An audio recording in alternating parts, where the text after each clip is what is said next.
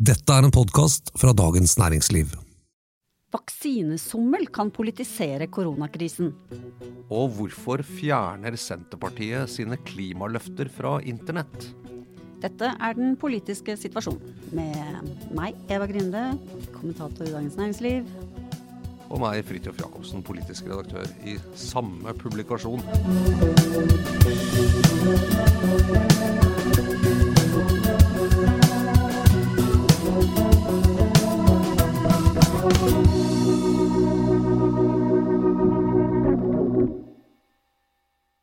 Ja. Eh, er du Når tror du at du blir vaksinert, Eva? Det tror jeg tar en god stund. Jeg har ikke tenkt eh, Jeg vet ikke. Slutten av sommeren, kanskje. Hvis jeg er heldig. Oktober, kanskje. Muligens. Har du bestilt sommerferie? Før eller etter valget. Utenlandstur? Nei, det har jeg ikke gjort. Bor på restaurant? Jeg har bestemt meg for å reise på hytta. På hytta. Ok, Hvis du får lov. Hvis jeg får lov. Okay. Vaksinene, vaksinering i Norge går veldig tregt. Eh, om den går for tregt, det er det debatt om, men den går veldig tregt. Den går mye tregere enn i mange andre land, også i europeiske land som følger eh, de samme anskaffelsene og bruker de samme vaksinene som oss. Vi ligger langt, langt, langt nede på listen over antall doser satt per befolkning i Europa. Det gjør vi. Og det ser så veldig lite ålreit ut akkurat nå. Og det er jo, henger jo veldig sammen med hva som skjedde forrige helg, hvor man eh, påviste denne muterte varianten av viruset og rett og slett eh, stengte ned Oslo og 24 omliggende kommuner, til sammen en som rammer 1,5 million, tror jeg, mennesker. Eh, og samtidig så ser man da denne statistikken om vaksiner, ikke sant. Det er en sånn gap som Det er litt å be om trøbbel. Um, og jeg så på debatten her uh, på tirsdag. Eh, og hvis eh, Folkehelseinstituttet ikke jobber litt mer med pedagogikken i, i, som ligger bak deres eh, vaksinestrategi, så tror jeg det kommer til å bli bråk ganske snart, altså. Ja, for, dette, denne podkasten er jo veldig streng, at den skal handle om politikk. Så vi, Ja. vi må prøve å se. det, jeg tror, En ting er på en måte selve hva er det som skjer, hvorfor er det slik. og det er, Jeg tror mange har fulgt med begrunnelsene. Det er noe med levering og Produsentene klarer ikke å levere kanskje helt det man hadde håpet på osv. Men, men det og fordelingen eh, mellom by og land. Men, og sånn, men, men det som jeg tror er veldig krevende med dette, er at koronabekjempelsen og smittevernet baserer seg på en veldig stor grad av tillit mellom befolkning og myndigheter. Altså en helt grunnleggende størrelse i politikk. Eh, nemlig at vi stoler på at myndighetene vet eh, hvordan denne krisen skal bekjempes. Det har de vist gjennom våre lave smittetall i Norge. De ber oss om å gjøre en masse ting. Eh, leve livene på helt andre måter. Isolere oss. Eh, godta at barna ikke får gå ordentlig på skole. At fritidsaktiviteter er utsatt. At butikker er stengt. At vi ikke kan gå ut og spise på restaurant. Alt dette som, som en del fordi vi har tillit. Men når de skal gjøre det som bare de kan gjøre Vi kan ikke hjelpe til med å sette vaksinene som befolkning. Vi kan hjelpe til med smittevern, men vaksinering der, Vi kan møte opp når vi får beskjed om det, men det, det er liksom det vi kan bidra med. Når det ikke ser ut til å funke, så tror jeg det er en potensielt veldig eksplosiv situasjon som veldig fort kan bli politikk. Men så, ja, absolutt. Men så henger det på en måte litt sammen med det faglige òg, da. Fordi at eh, nettopp altså, hvordan man kan avverge denne eksplosjonen henger, jo- henger jo sammen med i hvilken grad går det an å forstå hva som ligger bak den, eh, den strategien. fordi det vi ser som er veldig lett å se, det er at eh, dette går kjempetregt. Eh, Danmark, England, eh, en haug andre land også i EU ligger langt foran oss. ikke sant? Hvorfor skal vi ligge langt bak i køen? Og da, da blir det en utfordring å, å forklare hvorfor. Og det eh, den tilliten er jo en del av den, den politiske avtalen vi har. sånn jeg, jeg tror det kan spøke for denne strategien hvis ikke den eh, går litt lettere hjem hos folk enn den har gjort til nå. altså. It's that time of the year. Your vacation is coming up. You can already hear the beach waves, feel the warm breeze, relax, and think about work. You really, really want it all to work out while you're away. Monday.com gives you and the team that peace of mind.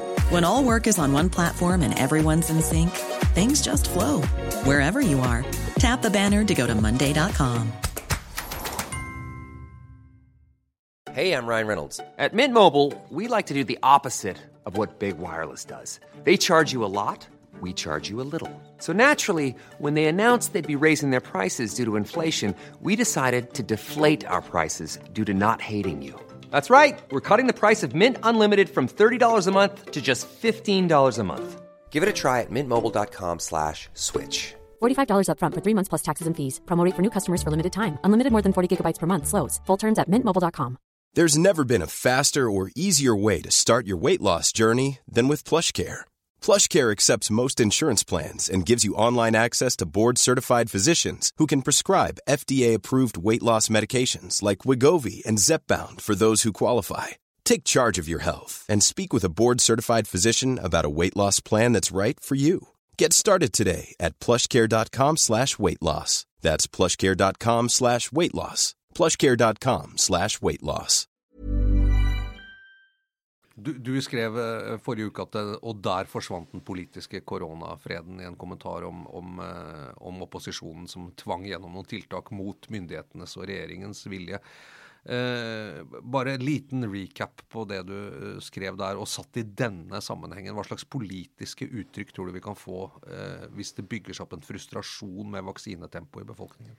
Ja, det er, det, er, det er jo det som er litt skummelt, ikke sant. Fordi at det som skjedde da forrige uke, det var jo at de fire opposisjonspartiene teamet opp, ble enige på kammerset om tiltak som ikke bare gikk på økonomi, men også på smittevern. Eh, hvor, hvor, liksom enkelte tiltak og, og avgjørelser får en effekt på helheten som de ikke har ansvar for. ikke sant? Så det, det var jo snakk om at det var et eksempel på det man kaller stortingsregjereri. Eh, og, ikke sant? Så potensielt så kan de jo for så vidt finne på hva som helst, da. Eh, og hvis presset og uroen i befolkningen blir så stort fordi man, eh, fordi man er redd for at eh, befolkningen ikke blir eh, vaksinert fort nok f.eks., så kan det jo Det er jo duket for ufornuftige, ufornuftige forslag fra opposisjonen som de banker igjennom, ikke sant? Ja, eller det kan presse frem fra regjeringens side også, for den saks skyld. Altså at man må ta politiske hensyn. Det er jo et valgår også oppi dette. Det er noen ting jeg syns Noen linjer i vaksineplanen slik den ligger nå, som er, eh, som er eh, potensielt det kan ligge i politikken. Det, det ene er jo at man har sagt at eh, vi vaksinerer ikke etter regioner eller smittetrykk i ulike regioner, men vi, vi, setter opp en liste med befolkningsgrupper og deler dem inn i på en måte demografiske grupper. Og så skal alle i Norge skal på en måte alle være vaksinert i denne gruppen før vi kan begynne på neste gruppe. Mm. Så hvis man er ferdig et sted, på en måte, men så vil man nesten ikke få flere vaksiner der før, før alle er ferdig i den gruppa. Altså de som er mest utsatt, de mm. eldste, de risikogrupper. Da kan man begynne på neste. Det er ikke geografisk skjevfordeling, ikke sant. Det er, det er, jo det det står på. Det, men som de sier, de vurderer hele tiden om de skal begynne med. Ja, for man tar f.eks. ikke et krafttak nå i, i Nordre Follo og omliggende kommuner fordi man frykter at det er veldig mye smitte på avvei der. Man, man holder seg til planen og vaksinerer da i mange områder hvor det er lavt smittetrykk nå. Eh, de, med de få vaksinene man klarer å sette, da, eh, må jeg si. Og, og, der ligger jo den der sentrum-periferidimensjonen. Raymond Johansen, Oslo, byrådsleder i Oslo for Arbeiderpartiet, var ute og sa vi må forlate dette og gi Oslo mer vaksinedoser. For det er her det haster mest. Eh, da sa Arbeiderpartiet sentralt at nei, det går vi ikke med på. Men, men det blir sånn sagt bak i korridoren at de, de forsto det og var kanskje egentlig enig i det. Eh, men at man ikke turte å gå på det eh, ut fra et sånt eh, sentrum-periferi-politisk vurdering, at det ville lage en veldig At de ville falle inn i den splitten. Det er jo veldig interessant, da.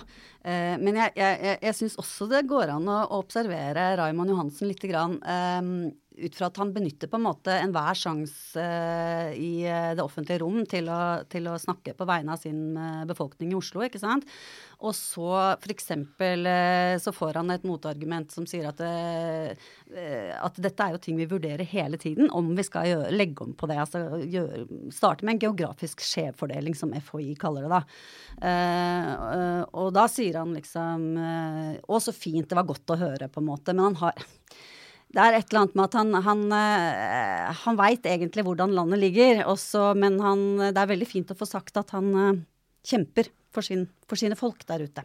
En viktig ting for politiske ledere, uh, uansett hvilke lederroller de ser for seg, det er jo å sette troverdige ord på det folk som oppfatter som et problem. Det er ikke alltid løsningen er det viktigste, det er å vise at man erkjenner et problem. og Det kan jo være det er et veldig kjent politisk eh, måte virkemiddel. Hvis man er god på problembeskrivelsen, så fremstår man som en eh, attraktiv politisk eh, leder.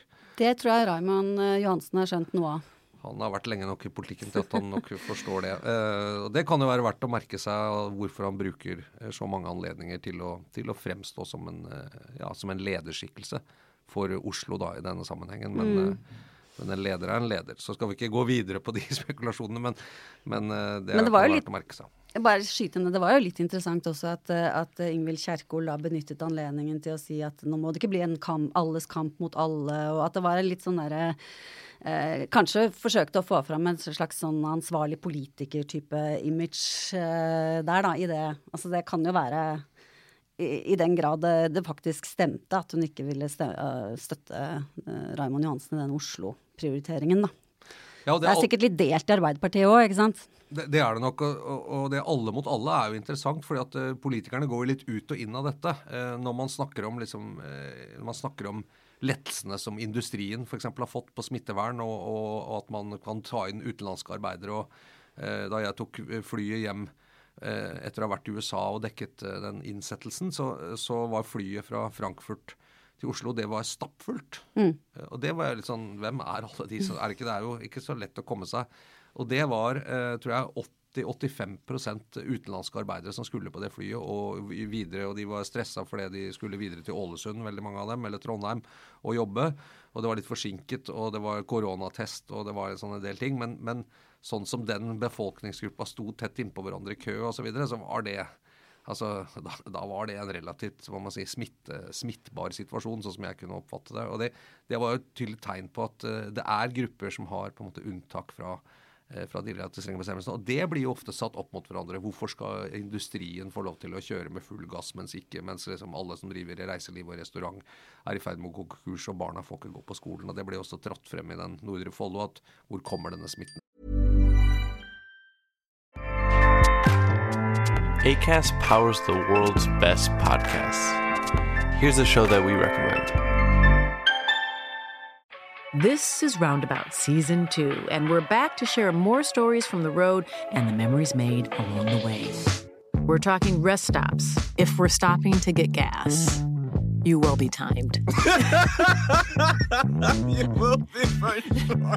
Misguided plans. I grew up in the city, so I have like, you know, a healthy fear of real extreme darkness. this was like wilderness a lot of laughs. Y'all weird, but you, yeah, you, you were different. Like you were real different, bro. I can't really put my finger on it. And so much more. Just goes to show that unexpected yeah. things sometimes are the best when it comes to a road trip. Roundabout Season 2, presented by Nissan, is live now with new episodes rolling out every Thursday. Listen and subscribe wherever you get your podcasts.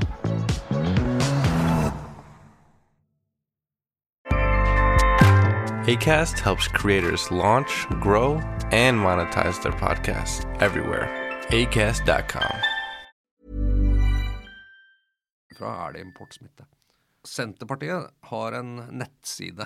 Det er jo ikke noe oppsiktsvekkende i og for seg, selv om jeg vet ikke mange som kjenner til den og som leser på den. Man trenger jo egentlig ikke å lese Senterpartiets nettsider for å vite hva partiet mener, for de er jo relativt aktive, særlig Trygve Slagsvold Vedum, hele tiden med å fortelle ting. Men der skjedde det noe interessant, eh, fordi partileder Trygve Slagsvold Vedum denne uka eh, hadde et utspill om at han ikke ville være med på såkalte nullutslippssoner i Oslo. Altså soner hvor det ikke er lov å kjøre dieselbiler eller, eller fossildrevne biler. Eh, og argumentet var jo godt og sagt at eh, de som kjører eh, diesel eller bensin, er ofte litt gamle biler. Det er folk som ikke har så god råd. Skal de nektes eh, å ferdes med bil? Og så er det bare de rike med Tesla og den typen ting som skal kjøre. Veldig sånn klassisk eh, god, populistisk ja, ja. Senterpartiretorikk, men, men, eh, men, som er jo en av grunnene til at de har gjort det så bra. Og i og for seg et fair politisk poeng. Det var bare én ting, og det var eh, Nettavisen, han Espen Teigen, som, eh, som, skriver ganske mange artige saker i Nettavisen. som hadde plukket opp at, at Senterpartiet eh, har et vedtak om at de var eh, for at alle personbiler og lette varebiler som selges i 2025, eh, skulle være nullutslippsbiler. Ja. det var eh, vedtatt eh, i 20 forslag til sterkere klimapolitikk. og Det ble publisert på partiets nettsider 8.10.2020, ifølge saken til Espen Teigen. Dette hang litt dårlig sammen, syns jeg. Ja, og det skjønte Senterpartiet også, de bare fjernet det. Ja. Så når du okay. prøver å gå inn på den siden nå, så står det bare 'her er det ingenting'. Her er det ingen klimapolitikk på dette lenger. Uh, dette syns jeg var Så her står leder over parti. Det ja. Lederens krumspring, på en måte. Ikke sant? Trumfer partiprogram. Senterpartiets politikk ja. er det lederen til enhver tid sier at den er. Og, og på lik linje med Stortinget trenger ikke nødvendigvis å henge indre sammen. Men, men, dette viser jo litt sånn populismens uh, og valgkampkjørets uh, uh, sånn iboende fare. Det er ikke sikkert at dette er så farlig for Senterpartiets velgere. Mulig at de gir blaffen i det. Eh, men det at man, eh, hvis man skal forene alt mulig, eh, både det man har vedtatt osv., og, så videre, og samtidig være på ballen og drive opposisjonen sånn hele tiden, så, så er det ikke alltid det går i hop. Og det er interessant synes jeg, hvordan Senterpartiet har forandret seg fra å være et, fra å være et ganske klimaorientert parti, i hvert fall utad i, i Stoltenbergs rød-grønne regjering, den store saken da var jo Lofoten, Vesterålen og oljevirksomhet. Der gikk jo Senterpartiet hele tiden inn og prøvde å være enda mer på enn SV når det gjaldt forbud mot konsekvensutredning og oljevirksomhet i havområdene utenfor Lofoten og Vesterålen.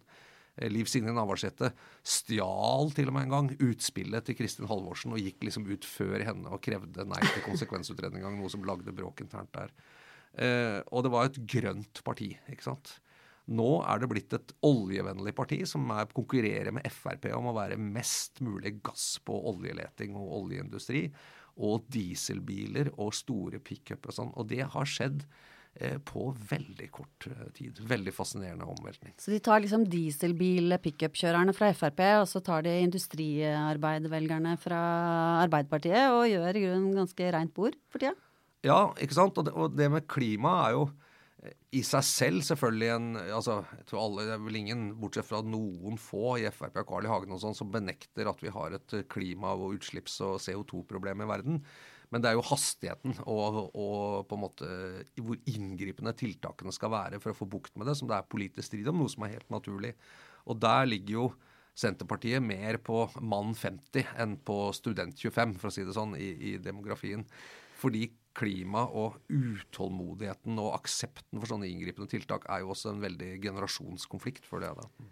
Men Hva slags parti er det egentlig Senterpartiet er i ferd med å bli? Er, eh, og hva gjør det med Arbeiderpartiet? Hva er liksom eh, Den utviklingen med den industriomfavnelsen som vi ser i Senterpartiet, som på mange måter virker vellykket også. Um, eller de får respons da, på det. Uh, hva gjør det med Arbeiderpartiets uh, identitet? Kan man liksom se for seg at, uh, at de blir dytta mer over i sånn caffè latte-land, og muligens også de yngre, da, men mer det kan hende at det er der det ligger noe av Senterpartiets motstand mot klima òg. At den liksom er blitt assosiert med, med, by, ikke sant. Disse Ja. Det folkefæret der, da, som de ønsker å definere seg bort fra. Ja, altså det er jo en ganske vanlig politisk eh, skillelinje, dette med, med, hastighet i tiltak. Altså Man kan være enige om et problem, men hvor fort skal man gå? ikke sant? Og, og MDG har jo satt noe nytt inn i klimapolitikken ved å være veldig eh, tiltaksorientert. Altså de snakker ikke, SV og Senterpartiet snakker snakket kanskje ganske mye om store ting og klima og teknologi osv. Senterpartiet stenger veier, tar vekk parkeringsplasser Nei, MDG mener jeg. Stenger veier, tar vekk parkeringsplasser, mm. bygger mm. sykkelstier, eh, forbyr biltrafikk. Altså, De gjør en del helt konkrete ting. Og det er klart, og samarbeider med Arbeiderpartiet ja. f.eks. i Oslo, da. ikke sant? Ikke sant? Som, Ja, ikke sant? Og, og, dermed, og de har jo veldig, eh, MDG gjør jo veldig bra hos yngre velgere, for de er jo utålmodige og vil gjerne ha konkrete tiltak som viser at man gjør noe med med klimakrisen. Det er ikke sikkert at liksom, redusert bilkjøring i Oslo indre by, hvor det har vært veldig lite bilkjøring tradisjonelt, at det har noe stort sånn eh, praktisk eh, eh, formål når det gjelder å redusere norske CO2-utslipp. Men det er jo en viktig symbolhandling. Men vonde, det vonde dilemmaet der er jo liksom i hvilken grad er du, er du villig til å ofre gammel industri. Altså MDG vil nok i større grad tåle den smerten det er å legge ned industri. ikke sant? Mens f.eks. Senterpartiet prøver da å holde dem varme hele veien også. Eller, og det samme skjer jo i Arbeiderpartiet. Det er jo det store, store skisma de har internt. Ja, det er, det er veldig krevende. Og Arbeiderpartiet har litt problemer med å velge. Skal man liksom velge de som syns at Senterpartiet bremser litt mer og litt mer effektivt, og, og de kjenner seg mer igjen i det. kanskje mer tradisjonelle velgere. Men da risikerer man jo å miste yngre velgere til en stadig mer aggressiv og attraktiv venstreside, som kan plukke opp mange desillusjonerte yngre velgere, som da går til SV, Rødt og MDG fordi de syns det er mer fart og, og mer ambisjoner om å redde verden kjappere det var bare litt gøy, dette at uh, Oi, altså, nå mente jeg det, og så mente vi noe annet til høst. Ja, da får vi bare retusjere det ut av partiets uh, digitale historie, sånn at vi ikke blir tatt på vår egen inkonsistens. Men hvis det er sånn at, uh, at de rett og slett har bare strøket da det vedtaket om at de ønsker utslippsfrie biler innen 2025 fordi Vedum var ute og uh, boltret seg med et utspill, så er jo det ganske oppsiktsvekkende. Ja, de er Sånn som han strøk Trotskij da, fra, fra ja. Sovjetunionens historie. Omtrent sånn.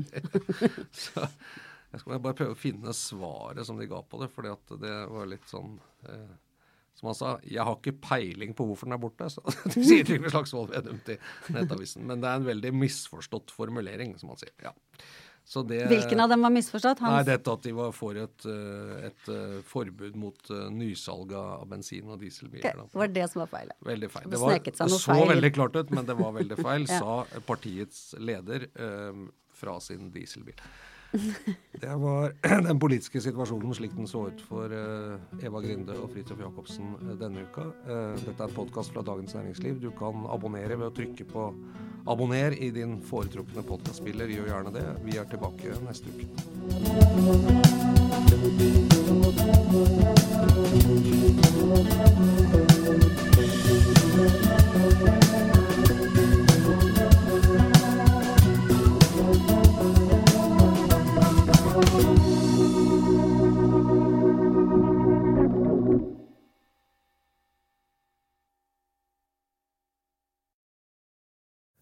Du har nå hørt en podkast fra Dagens Næringsliv.